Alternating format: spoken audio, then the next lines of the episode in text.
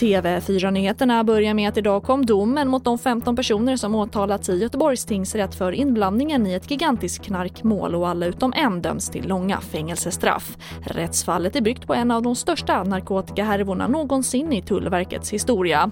Och knarket har smugglats in från Nederländerna för att användas i Stockholm och Göteborg.